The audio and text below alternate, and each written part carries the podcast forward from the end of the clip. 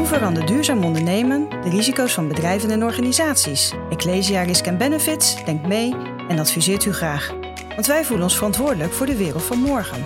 Ecclesia Risk Benefits, samen, bewust en gerust vooruit.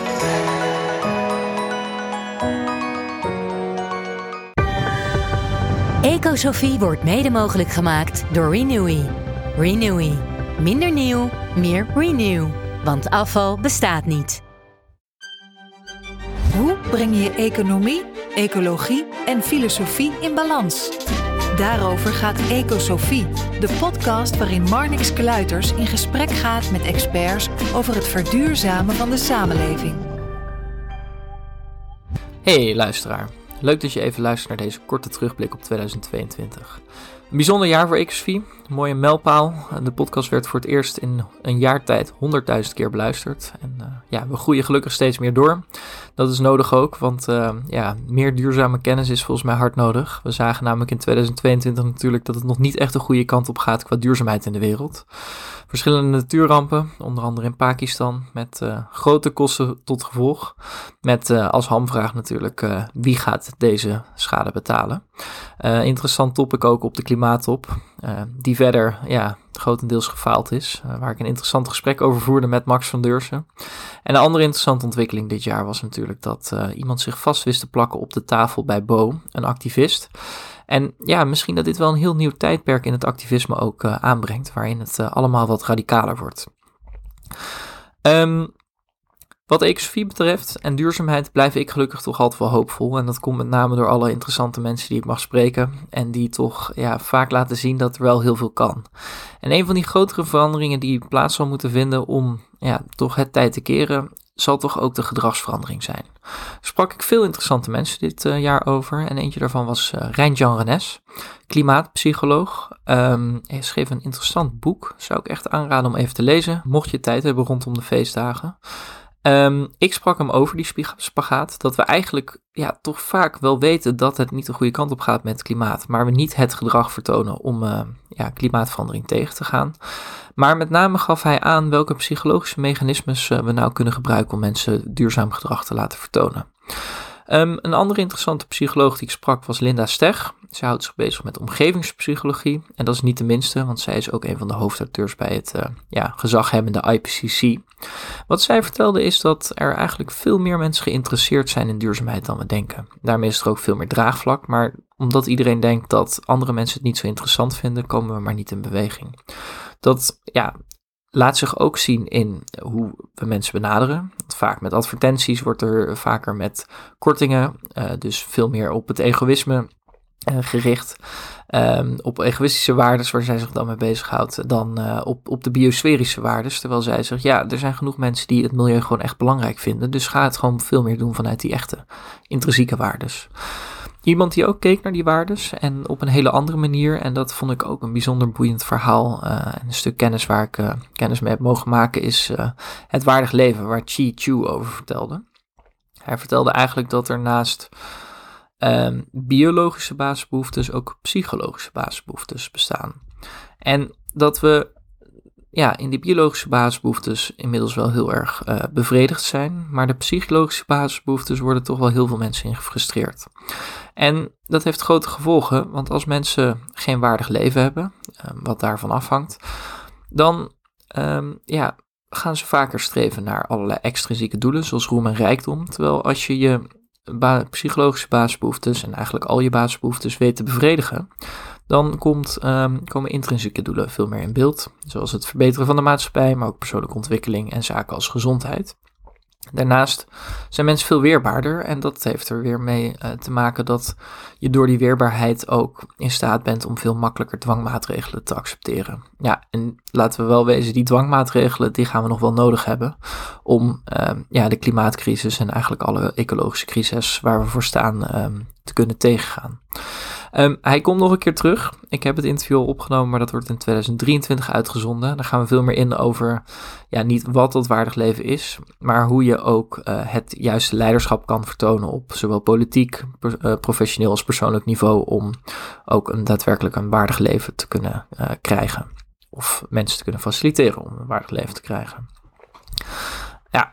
Een ander interessant iets, wat dit jaar ook heel erg aan bod kwam, en dat vond ik ook heel erg leuk om in te verdiepen, uh, zijn transities. We moeten natuurlijk een enorme transitie doormaken om uh, uiteindelijk in die duurzame samenleving terecht te komen. En uh, ja, er zijn nog iets meer theorieën, maar ik sprak toch drie hele interessante mensen die zich daarmee bezighouden. Um, misschien dat je er wel bij bent geweest, want een van die mensen, Dirk Loorbach van Drift, um, sprak ik in Blue City, de eerste podcast met publiek erbij. Dat was ook een ontzettend leuke on, uh, ontwikkeling om door te maken, uh, om live op publiek met een volle zaal, waarbij mensen achteraf vragen mochten stellen, in gesprek te gaan met Dirk over transities. En hij vertelde dat ja, precies die wetmatigheden die we ook in de kantelpuntentheorie van Martin Scheffer zien, ook van toepassing zijn op transities. Uh, gaan drie krachten op elkaar inwerken. Een huidig regime dat zich steeds verder optimaliseert, maar vastloopt. De maatschappij die verandert. Um, dus door uh, ja, bijvoorbeeld digitalisering kan dat zijn, of, of, vergrijzing. We zien natuurlijk in klimaatverandering dat mensen steeds bewuster worden. En dat overheden andere dingen vragen en dat de consument andere dingen vraagt. En als laatste factor de alternatieven. Um, dus dat er andere manieren van denken, manieren van produceren ontstaan. Die drie krachten werken op elkaar in en ja, dat brengt wat spanning met zich mee en vaak uiteindelijk met een schok um, zorgt ervoor dat uh, de boel aan het draaien gaat en de verandering op gang komt die op een gegeven moment ook niet meer terug te draaien is uh, en de versnelling aanbrengt. Um, daar gaat chaos mee gepaard. En iemand die daar net weer wat anders tegenaan kijkt is Lucas Simons. Hij schreef het boek Changing the Game. En um, hij onderscheidt verschillende fases in transities. En hij zegt, ja, als je die fases gaat inzien, kun je transities ook gewoon managen. En dan kun je ze dus ook uh, ja, iets gestroomlijnder uh, zonder veel maatschappelijke schade laten uh, verlopen. En dat is heel interessant, want als je die vier fases dus goed ziet, dan weet je ook welke actie je in welke fase moet uh, ja, toepassen. Wat hij zegt is dat we nu vaak in de verkeerde fases de verkeerde acties toepassen.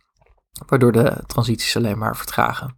En als we dat op um, wel de goede manier gaan doen, dan kunnen we die periodes uh, of die fases dus verkorten, waardoor de transitie in zijn geheel versnelt. Um, en als laatste, want dit is natuurlijk wel op hoofdniveau, en dan zal je misschien ook denken, ja, ik weet niet wat ik nou hiermee kan, was er ook een hele praktische theorie. En ik vond het een hele inspirerende theorie. En ik kwam er via Louise Vet, die ik ook op het podium mocht uh, interviewen. En zij uh, strijdt voor meer biodiversiteit. En zij zei, om de transitie naar meer biodiversiteit te maken, passen wij de transitietheorie van Katrien Termeer toe.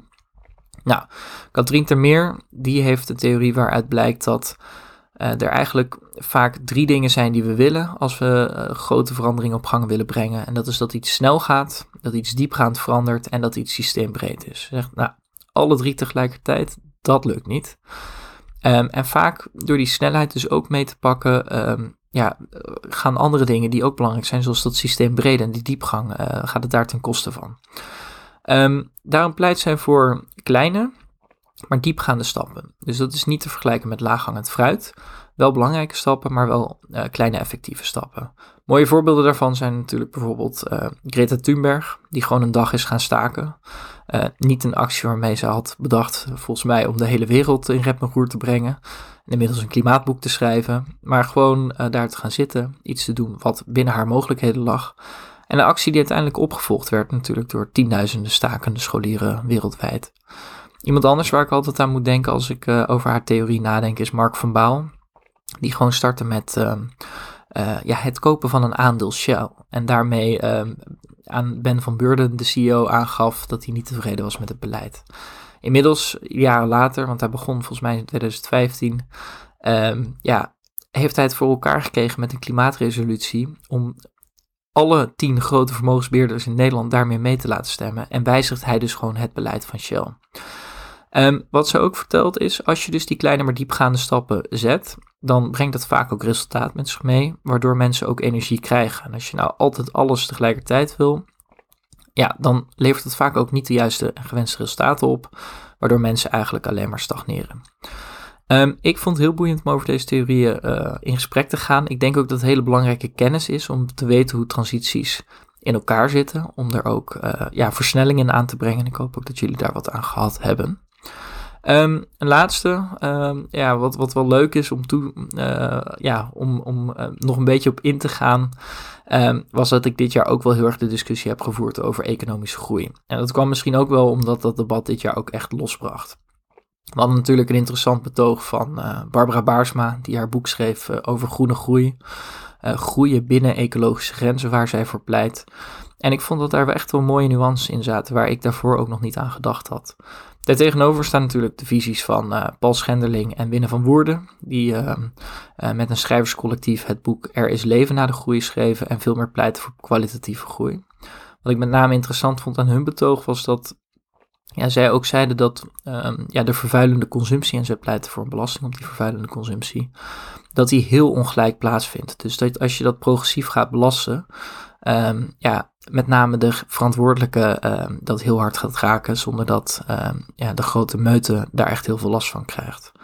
Um, ik vond het een heel boeiend onderwerp en misschien iemand die daar nog wel fanatieker in is, is uh, iemand die daar al jarenlang voor strijdt. En ja, door een van zijn documentaires, Rendement van Geluk, bij het programma Tegenlicht ben ik ooit gefascineerd geraakt. Ook door een bepaalde vorm van betekenis-economie, om het maar even zo te noemen. Maar uh, de betekenis-economie van Kees Klomp is natuurlijk ook heel inspirerend. En hij was dit jaar ook te gast bij Ecosofie. Um, verder uh, sprak natuurlijk ook nog andere interessante sprekers over de gascrisis met Jilles van der Beukel. Uh, Joris Luijendijk, die natuurlijk zijn boek over zeven vinkjes en de privileges van ja, hoger opgeleide witte mannen um, beschreef, waar heel veel maatschappelijk debat over was. Maar ook een interview waarin ik um, mijn eigen verhaal meer in kwijt kon over de visuele beperking waar ik natuurlijk mee te kampen had. Um, verder, ik haalde het al even aan, Louise Vet was leuk over biodiversiteit en uh, Max van Deursen kwam ook al even ter sprake, die ons toch altijd weer op een goede manier voorziet van wat er daadwerkelijk gebeurt op uh, de klimaattoppen. Um, ik vond het een ontzettend leuk uh, jaar om weer door te maken en inzicht op te doen over duurzaamheid. Ik hoop wel dat 2023 uh, eh, het jaar wordt waarin de wereld echt de kanteling doormaakt um, ja, naar een duurzame samenleving. Want dat was in 2022 ook nog steeds niet het geval. Um, daarbij hoop ik dat de informatie die ik verstrek via deze podcast daar natuurlijk heel erg aan bijdraagt. En ik heb uh, daarmee ook uh, het terugvinden van oude afleveringen wat gemakkelijker gemaakt. Dick Bogers heeft een prachtige site voor mij ontwikkeld, belangeloos. Um, daarop kun je heel makkelijk zoeken per categorie. Dus als je niet alle onderwerpen bij interessant vindt, dan uh, zijn de oude afleveringen wat makkelijker terug te vinden. Um, en daarbij uh, verschijnt er sinds kort ook een blog. Ik heb samen met Max van Deursen een artikel geschreven over de klimaattop. En dat we toch veel meer de focus moeten gaan leggen op de koolstofbudgetbenadering in plaats van de tijdspaden die vaak geschetst worden. En een goede vriend van mij die milieukunde uh, studeert, Ben Breekveld, gaat jullie bij uh, praten of bij schrijven over wat er, ja, hoe het hele systeem aarde in elkaar zit met de atmosfeer om mee te beginnen. En die sfeer is niet zo goed. Dus kijk vooral even op ecosofie.net. En dan rest mij niks anders dan jullie uh, hele fijne feestdagen te wensen. Een uh, heel fijn nieuw jaar. En uh, in het nieuwe jaar horen jullie zeker meer van mij. Met weer een hoop nieuwe afleveringen. Wil je de interviews terugluisteren met andere CEO's, politici, wetenschappers en activisten? Of meer weten over Ecosofie? Kijk op ecosofie.net.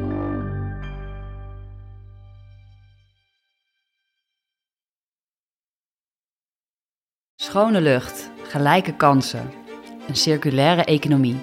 Dat is allemaal niet links of rechts. Een mooie toekomst, daar moeten we samen aan werken. Teken daarom ook voor een duurzaam regeerakkoord. Ga naar duurzaamregeerakkoord.nl en teken het manifest.